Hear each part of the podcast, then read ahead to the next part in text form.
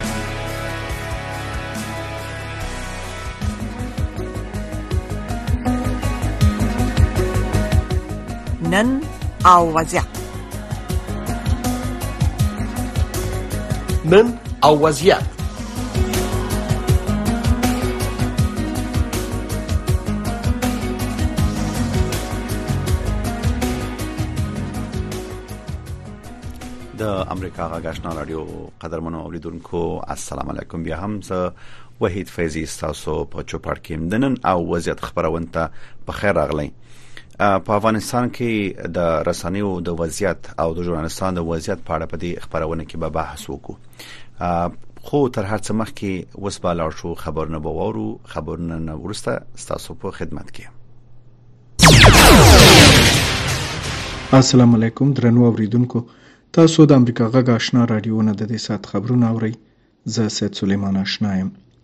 د افغانستان د پاره د ملګرو ملتونو د سرمنشي ځانګړي استازي او د یوناما مشرې روزا اوتنبایووا وی په افغانستان کې د بشري حقونو د نړیوال کنوانسیون مهم اصول تر پښو لاندې کیږي استازي اوتنبایووا د چهارشنبې په ورځ چې د قوس نهه ویشتمه وه د افغانستان په اړه د ملګرو ملتونو د امنیت شورا په غونډه کې په افغانستان کې د بشري حقونو د وضعیت په اړه ژوره اندېښنه څرګنده کړه. استازي اوتنبایووا په افغانستان کې د ښځو او نجونو په وړاندې سیستماتیک تبعیض، د سیاسي مخالفینو ځپل او د بیان ازادي، د اقلیتونو د بامفهومه استازیتوب نشتون، له قضا پرته وژنې، نیول او جبري توقیف، شکنجه او ناوړه چلند د بشري حقونو څخه د سرغړونو په توګه یاد کړل. د یوناما مشرې په افغانستان کې د شیعه ګانو په ټولنو او مذهبي ځایونو باندې وروستیو حملو ته په اشارې وویل، د افغانستان شیعه مذهبي اقلیت هم د سخت خطر سره مخامخ دی. استازې د روان وضعیت په اړه معلومات ورکولو کې دا یادونه هم وکړه چې د ژمي په درشل کې په افغانستان کې څه باندې شل میلیونه خلک مرستو ته اړتیا لري او د پاکستان څخه د افغانانو جبري شړل دغه ستونزه نوره هم زیاتوي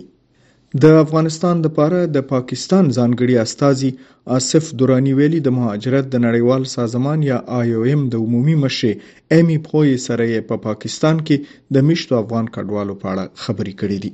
دراني ویلي، په دې لیدنه کې په ځانګړي ډول درېیم هېواد کې د میشت کېدونکو افغان کډوالو په اړوند مسلو خبرې وکړې. دغه پاکستاني استازي د پنجشنبې په ورځ چې د قوس دېرشمه ده د ایکس په ټولنیزه شبکه کې لیکلي چې په دې کتنه کې په پاکستان کې د میشتو هغو افغان کډوالو په وضعیت یې د مېرمن ایمي پوهې سره خبرې وکړې چې د دوه زره یوویشتم کال د اګست په میاشت کې د افغانستان نه د امریکا او ناټو د ځواکونو د وتلو وروسته پاکستان ته ورغلي. د مهاجرت د نړیوال سازمان مشره د چهارشنبې په ورځ د افغانستان نه پاکستان ته تللې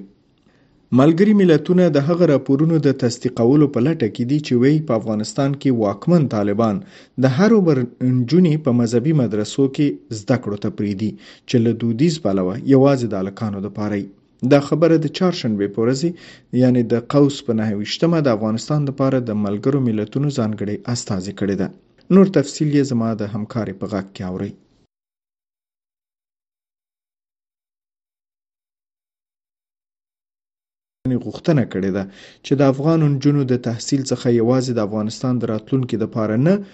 بلکې د سیمې د ثبات لپاره هم ملاتړ وکړي. ټام ویست په ایکس پاڼه لیکلي، تېر کال په همدې ورځ طالبانو د توجیه پرته پوهنتونونو ته د نجونو په حاضرۍ بندیز ولکو. د افغانستان لپاره د ښځو په برخه کې د امریکا ځانګړې استازې رینا امیري د نړیوالو څخه وغوښتل چې باید د ښځو او نجونو په اړه د طالبانو د جدي تګلارو په وړاندې ودرېږي. رینا امیری د چهارشنبې په ورځ په خپل ایکس حساب کې لیکلي دي چې طالبانو واک ته د رسیدو وروسته د افغانستان نیم نفوس خپل هیلو ته له رسیدو او ټول هیواد د اقتصادي ثبات څخه محروم کړی دی د کاناډا د کډوالۍ او تابعیت ادارې شمیرنې ښیي چې کاناډا د دسمبر په میاشت کې تر اوسه 1355 افغان کډوال د پاکستان څخه په څلورو چارټر الوتکو کې انتقال کړي دي د کاناډا د کډوالۍ او تابعیت ادارې د چهارشنبې په ورځ ناوخته وویل چې د افغان کډوالو د تخلیه د پروګرام په لړ کې تیر ورځ د پاکستان نه 399 افغان کډوال د کاناډا ټورنټو ښار ته انتقال کړي دي کاناډا د روان 2023 میلادي کال د نومبر په میاشت کې هم په شپږو الوتنو کې یو زر اته سوه شپېته تنه افغان کډوال د سیمې د هیوادونو په ځانګړي ډول د پاکستان څخه انتقال کړي وو تاسو د امریکا غږ آشنا رادیوونه د افغانستان سیمه او نړۍ خبرونه اورئ د پن شنبه په سار د اسرایل په جنوبي ناحیو کې د توغندیو لګیدلو خطر زنګ چالان شو او په غزي تړنګ کې د حماس وسلوالو ویل د اسرایلیانو په هوایي برید کې څلور تنه وژل شوې دي حماس ویلي په وژل شو کې د غزي تړنګ د کرم ابو سالم بندر د پاره د حماس لخوا ټاکل شوی مسول هم شامل دی د رویټرز خبري اژانس د اسرایلی پوز د ویان په قول لیکلی چې اسرایلی ځواکونه د یاد پیښې په اړه اطلاع نه لري د پاکستان د بلوچستان په ایالت کې د یو بلوچ خیاط مولا بخش د وژل کېدو یو میاشت وروسته بلوچ فعالانو د بلوچستان څخه اسلام آباد ته اعتراضیه لاریون پیل کړی دی دوی شاوخوا یو زرو شپږ سوه کیلومتر لاریون د دې لپاره کوي چې د بلوڅانو د تریتم کولو او د محکمې له حکم پرته یې د وژلو په اړه حکومت پاملرنه وکړي د دې خبر نور تفصیل زما د همکار په غږ کې اورئ بلوڅ فعالانو د چهارشنبې په شپه ناوخته په خپلو ټولنیزو شبکو کې ولیکل چې پاکستاني پولیسو یې په اعتراض برید کړی او اوښکې بهوونکی ګاز یې پرې شیندلی. دغو بلوڅو فعالانو ویلي چې یو شمېر یې ژوبل شوي هم دي. په خپرو شویو ویډیوګانو کې ښودل کېږي چې یو شمېر اعتراض کوونکي بې هوښه په ځمکه پراته دي. د پاکستان د ترهګرۍ سره د مبارزې اداره وايي چې بلوڅ ملا بخش یې له چاودېدونکو توکو سره یو ځای نیولی و. ټاکل شوې وه چې هغه د نومبر په څلور ویشت مه نېټه محکمې ته وړاندې شي. نوموړي غوښتل چې د توندلارو یو پټنځای امنیتي ځواکونو ته وښيي چې د توندلارو او پاکستان د امنیتي ځواکونو ترمنځ په ډزو کې ووژل شو.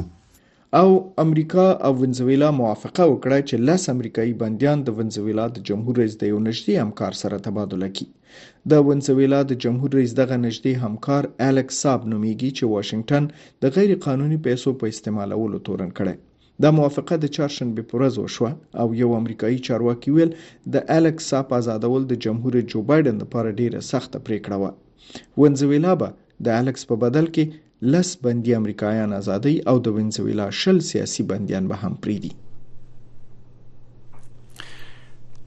قدرمنو دوستانو بیا هم په خیر اغلی مخکې د چیلار شو د خبرونې په موضوع باندې بحث وکړو یو تازه خبر مونږ ته رسیدلې ده چې د چک جمهوریت پولیس وایي د پنځشنبه په ورځ 3 دسمبر 28مه یو وسلوال د پراګ ښار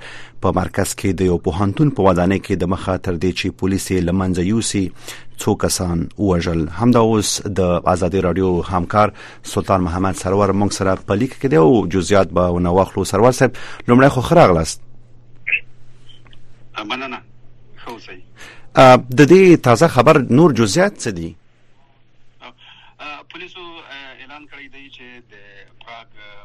په مرکزي او وسط د ښار په وسط کې ډزې شوې دي لومړنۍ ریپورتونو په اساس دوی وویل چې په دې ډزو کې د څو کسانو د وژل کېدو او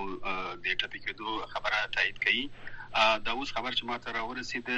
پولیس ویلي دي چې بریدګر ډیوید کوزاک نومیده او د هنر د پوهنځي شاګرد یا محصل و، د چارلز د پوهنتون. پولیسو ویلي دي چې خپله بریدګر وژل شوی دی او په دې پیښه کې د بریدګر په شمول یوولس کسان وژل شوي او لسګونه نور ټپیان دي. سرور صاحب د بریدګر د هویت په اړه خو تر اوسه څه نه دي ویل شوي او دا پیښه د دې سه ډیره نادره ښکاری په دې ورسې وختونو کې په چک کې البته دا دغه بریدګر نوم وس ماته لاس تراغی پولیس ویلي دي چې نوم یې ډیوډ کوزاک دی او دای د هنر د پوهنځي محصل وو د چارلز په یونیورسيټي کې رښتیا هم دا په ډیره بې ساري ده مخکې په پراګ کې په چک ریپبلک کې چک جمهوریت کې داسې پیښې نه دي شوي پولیسو د سیمې ځای محاصره کړی دی او خلکو ته اجازه نه ورکوي چې هلته لاړ شي مخکې خلکو ته ویلي وو چې د پیښې د ځای څخه ځان لري وساتي پیښه په یو سایرانی سیمه کې د پراګ ښار په ځل کې رامنځته شوه د ازادي رادیو همکار سلطان محمد سرور ډیره زیاته مننه چې تاسو موږ سره د پیښې په اړه جزئیات شریک کړل قدرمن دوستانو د خبرونه دوام یا موږ سره خبرونه تعقیب کړئ د نن او وضعیت خبرونه ده موږ سره یو بل قدرمن ملما حبیب الله خیبر سه ملما دی د تبخرغلاس وایم خبر سه په خیر اغلی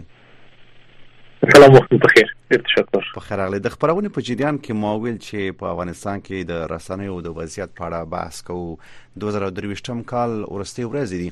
مخکې دینه چې بحث ته داخل شو یا تاسو سره بحث پیل کو کو تاسو اجازه وي یو ریپورت مونږ چمتو کړی دی ریپورت به په ګډه سره واورو یو څه معلومات باغینه هم ترلاسه کو بیا به تاسو سره بحث ته دوام ورکړم مهرباني وکړئ مهرباني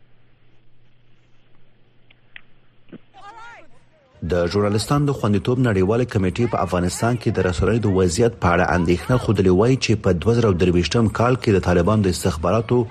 ګڼ شمېر خبریالان نیولي او په توقیف کې ساتلي دي د دغه کمېټې چارواکو امریکا غږ ته وویل چې لا هم په افغانستان کې هر ورځ خبریالان نیول کیږي چې په ځانګړې توګه هغه شمېر خبریالان چې له بهرنیو رسنیو سره کار کوي.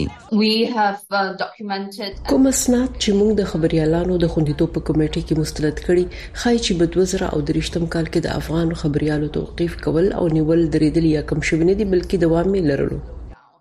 په دوه زره او درویشتم کال کې په افغانستان کې د خبریالانو د کار پر وړاندې د نورو ستونزو ترڅنګ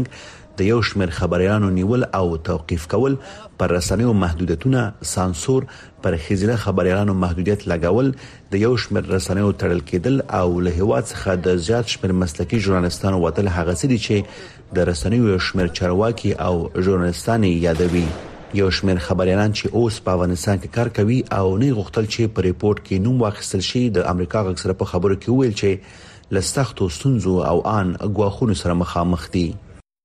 داسې شرایط راغلي چې خبریالان په خپله ځانونه سانسوروي، ځکه هغوی ته ستونزې متوجه دي، هغوی ته ګواښونه کېږي، هغوی ته ویل شوي خبریالان مجبور دي ځانونه سانسور کړي، په ډېرو مسایلو باندې سترګې پټې کړي، موږ وینو وضعیت داسې دی چې حتی د حقایقو د خپرولو اجازه نشته. د بې پولې راپور ورکوونکو سازمان یا ار اس اف د راپور په اساس په افغانستان کې د دوه زره یوویشتم کال د اګست د پنځلسمې څخه وروسته له اتیا فیصدو څخه زیاتو ښځینه خبریالانو خپل کار پریښی دی او د نږدې دوولس زرو ښځینه او نارینه خبریالانو چې د دوه زره یوویشتم کال کی په دغه هیواد کی کار کاوو د دریو څخه له دوه برخو زیاتو یی خپل مسلک پریښی دی په تیرو دوو کلونو کی رسنۍ له منځه تللو سره مخ شوی دی. د دوه زره او یوویشتم کال د اګست میاشتی څخه مخکی په افغانستان کی په سلګونو رسنۍ فعالی وی په تیرو دوو لسیزو کی په افغانستان کی رسنیو خورا زیات پرمختګ وکړو واک ته د طالبانو د رسیدو وروسته په افغانستان کی د رسنیو شمیر ډیر کم شو، زیات شمیر جرنلسټان ګاونډیو هیوادونو پاکستان او ایران ته لاړل. په دوه زره او درویشتم کال کې ګڼ شمیر خبریالان د طالبانو له خوا نیول شوي وو. شمار دقیق از خبرنگارهایی که در توقیف باشه متاسفانه وجود نداره و بیشتر ما اگر, اگر خبرنگار که توقیف هم بوده اونا را ما اگر تا حد زیادی که ما تعقیب کردیم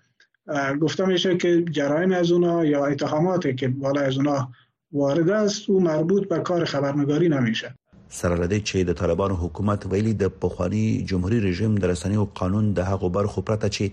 طالبان د حکومت د پالیسیو سره په ټکر کې دي د قانون یې منل او ژر به طالبان د مشر لخوا توشي شي خو د دوو کلونو په تیریدو سره یې لا هم دا قانون نه دی توشي کړي وحید فیضی د امریکا غاک قدرمن دوستانو بیا هم په خیر اغلی لکه څنګه چې تاسو په ریپورت کې واورید واوریدل د رسنیو د وضعیت په اړه د جوړنستان د خوندتوب کمیټې اندېښنه خوده لوي چې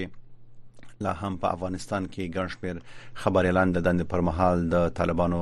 لخوا نیول شوی او لا هم د لړۍ دوام لري د رسنیو د وضعیت او د چې جورنالستان په څه وضعیت کې په افغانستان کې کار کوي ما سره په دې خبرونه کې یو قدرمن ملما حبیب الله خیبر چې خبريال پاتشه په افغانستان کې ملمه دی خیبر صاحب بیا هم په خیر اغلی او پښتنه به ورسره مطرح کوم چې د رسنیو په ځانګړي توګه د ژورنالستان د کار په اړه چې په اوس وخت کې طالبان په افغانستان کې حاکم دي ستاسو نظر څه دی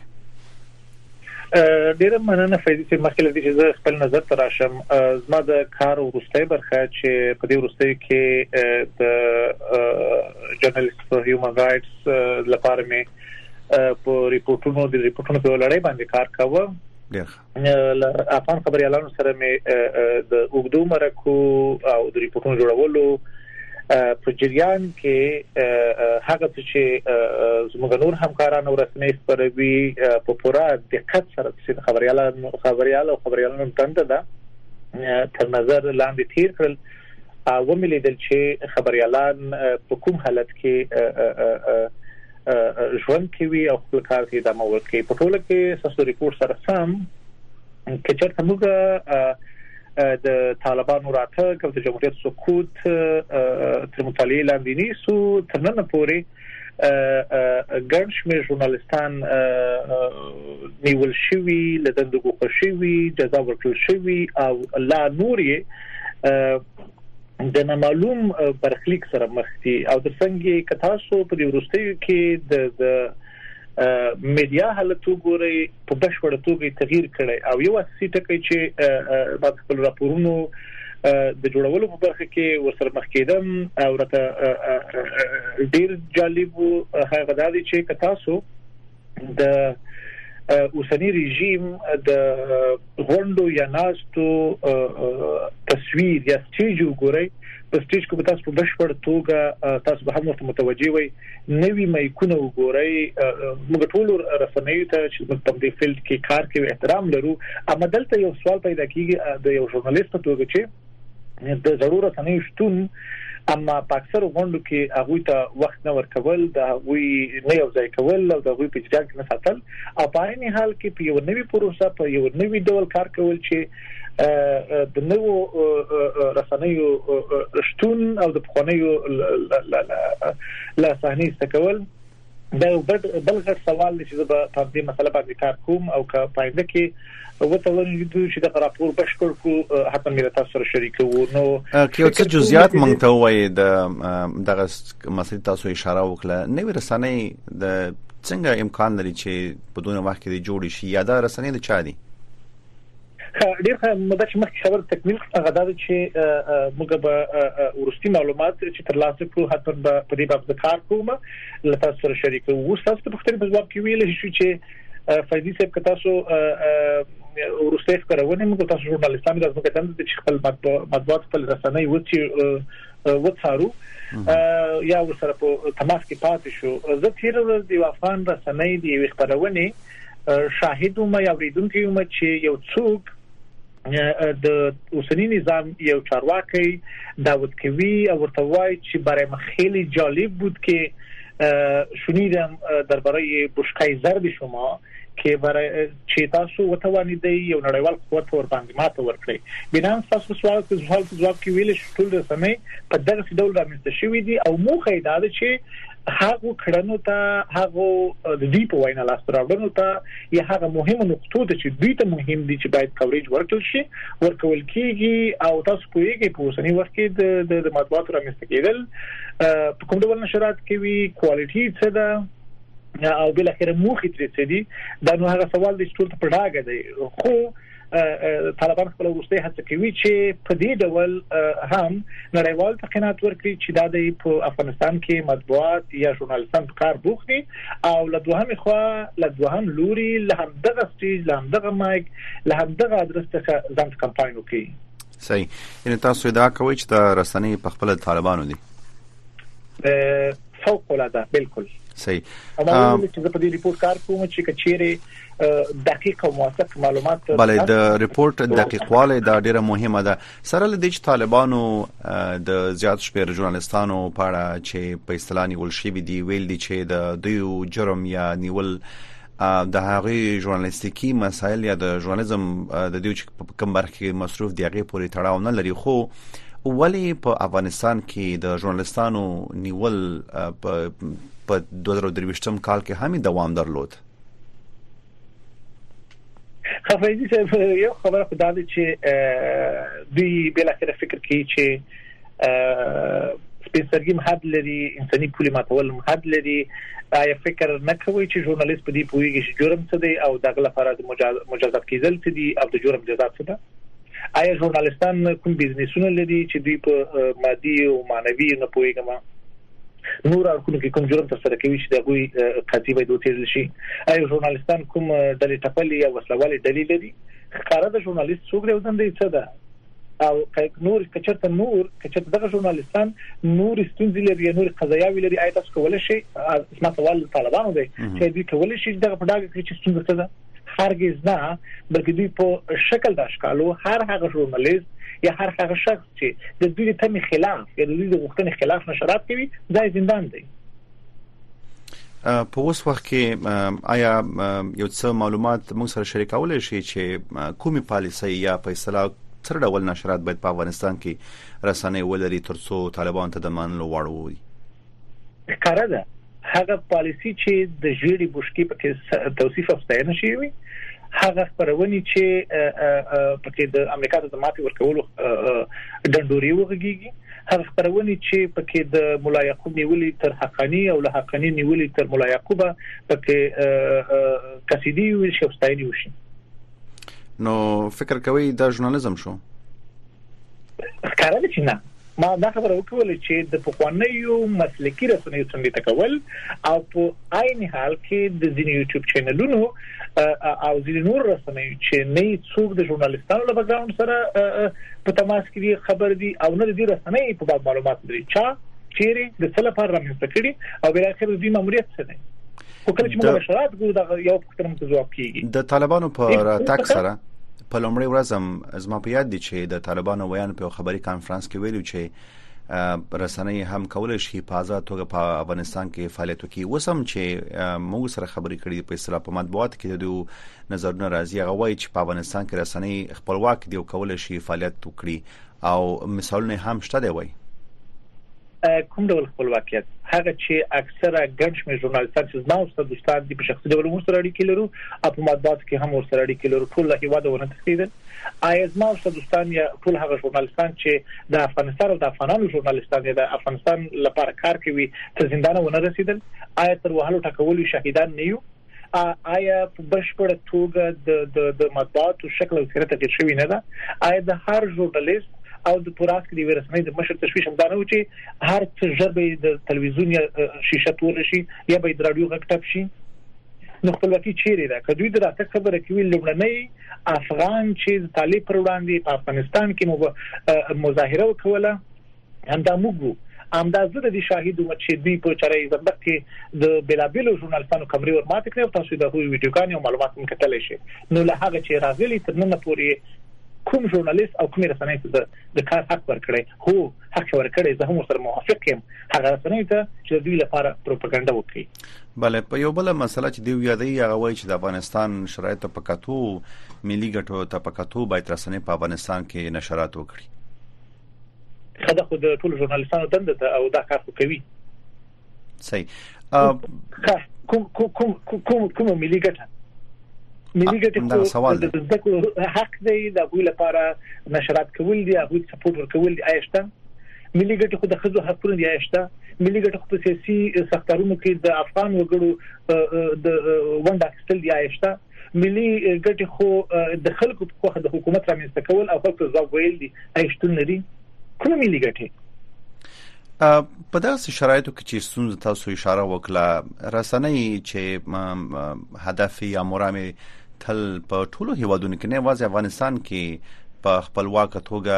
یوازې هدف دار چې د موثقو سرچینو لاري خبرونه خلکو ته ورسي یا خلکو ته معلومات ورسي بیا په افغانستان کې په داس شرایطو کې تاسو ستونزو او کړاون ته په اصطلاح اشاره وکړه څنګه به رسنۍ وکولای شي خپل کار ته دوام ورکړي فیضی صاحب زه لته سو څوره یو دور جوړاندې د خپل افغان ژورنالیست ملګری سره چې اوس په په د هواد زبان دی لوي رسنۍ سره کار کوي په یو موضوع باندې خبرې کولې د هغوی ورسته نظر هم دا او راپوري چې ډیره مهمه چې باید نشر تلل شي لاړ نه نو دلیل هم دا و چې وی ویل چې له افغانستان مدیریت شوه معلومات راوځي او هیڅوک حق نه لري او نشي کولای چې هغه چې موږ ورته اړتیا لرو ترلاسه کړو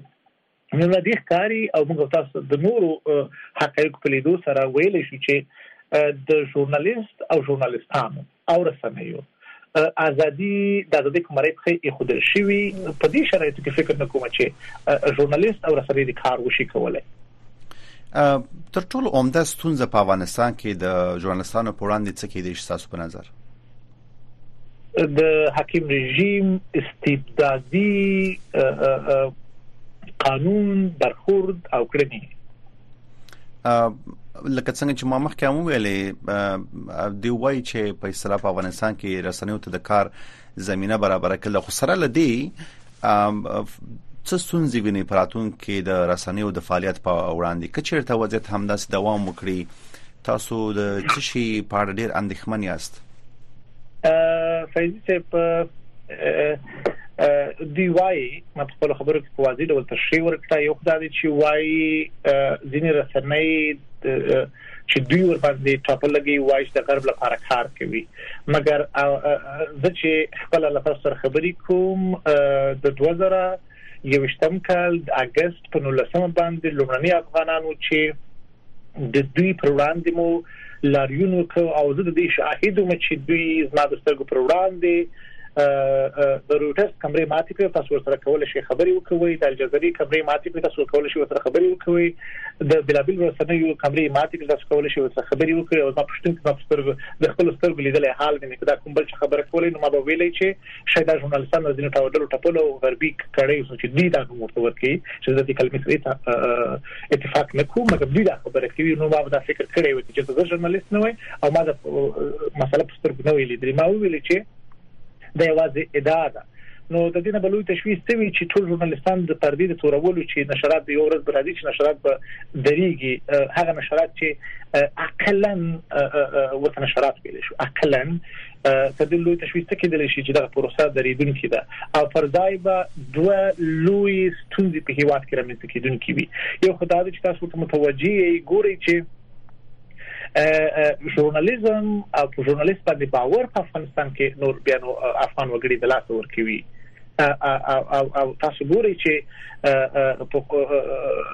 خوانې رسمي څنګه ته کیږي او د رسمي چې فعالیت پر کار پیل کړی دی اکثر وګړي خو دې نه پوهیږي چې تاسو د افغانستان حالت تاسو ته معلوم دي چې په اکثر جګړو کې ساتل شوی دی کله چې دغه رسنۍ د مولا یعقوب او د حقنی پر توصیفونو او او او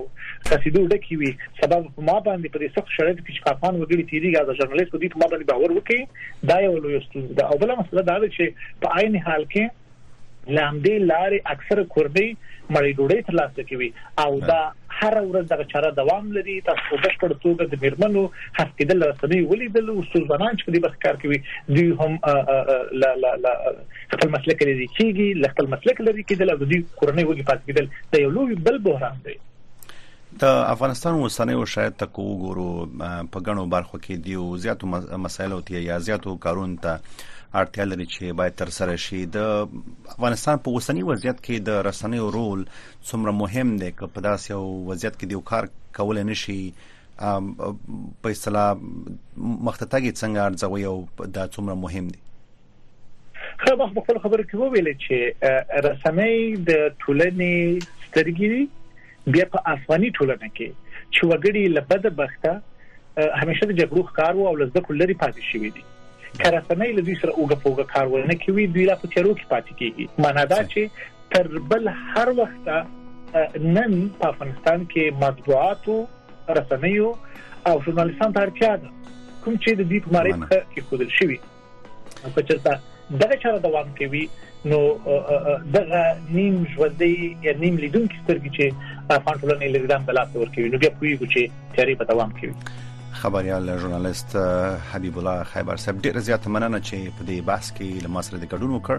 او خپل نظر دی وړاندې کړ کور مو ده خو وخت او خوشاله اوسئ قدرمن دوستانو دا و د نن او وضعیت خبرونه چې په سوشل میډیا کې پاتې رسیدي